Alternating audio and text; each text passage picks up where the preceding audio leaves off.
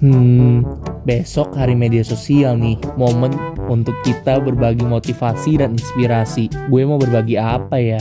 Kalian inget kan dulu sekolah minggu ada lagu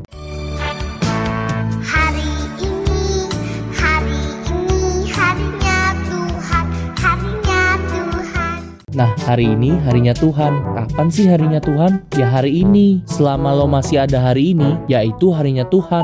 Punya Tuhan, bukan punya gue, juga bukan punya lo. Jadi, karena setiap hari adalah hari Tuhan, apa yang mau lo bagikan? Efesus 4 ayat 29 bilang, Janganlah ada perkataan kotor keluar dari mulutmu, tetapi pakailah perkataan yang baik untuk membangun di mana perlu supaya mereka yang mendengarnya beroleh kasih karunia. So, Nggak perlu nunggu hari media sosial. Hari ini lo juga bisa kok share konten yang membangun supaya mereka yang lihat atau mendengar bisa beroleh kasih karunia.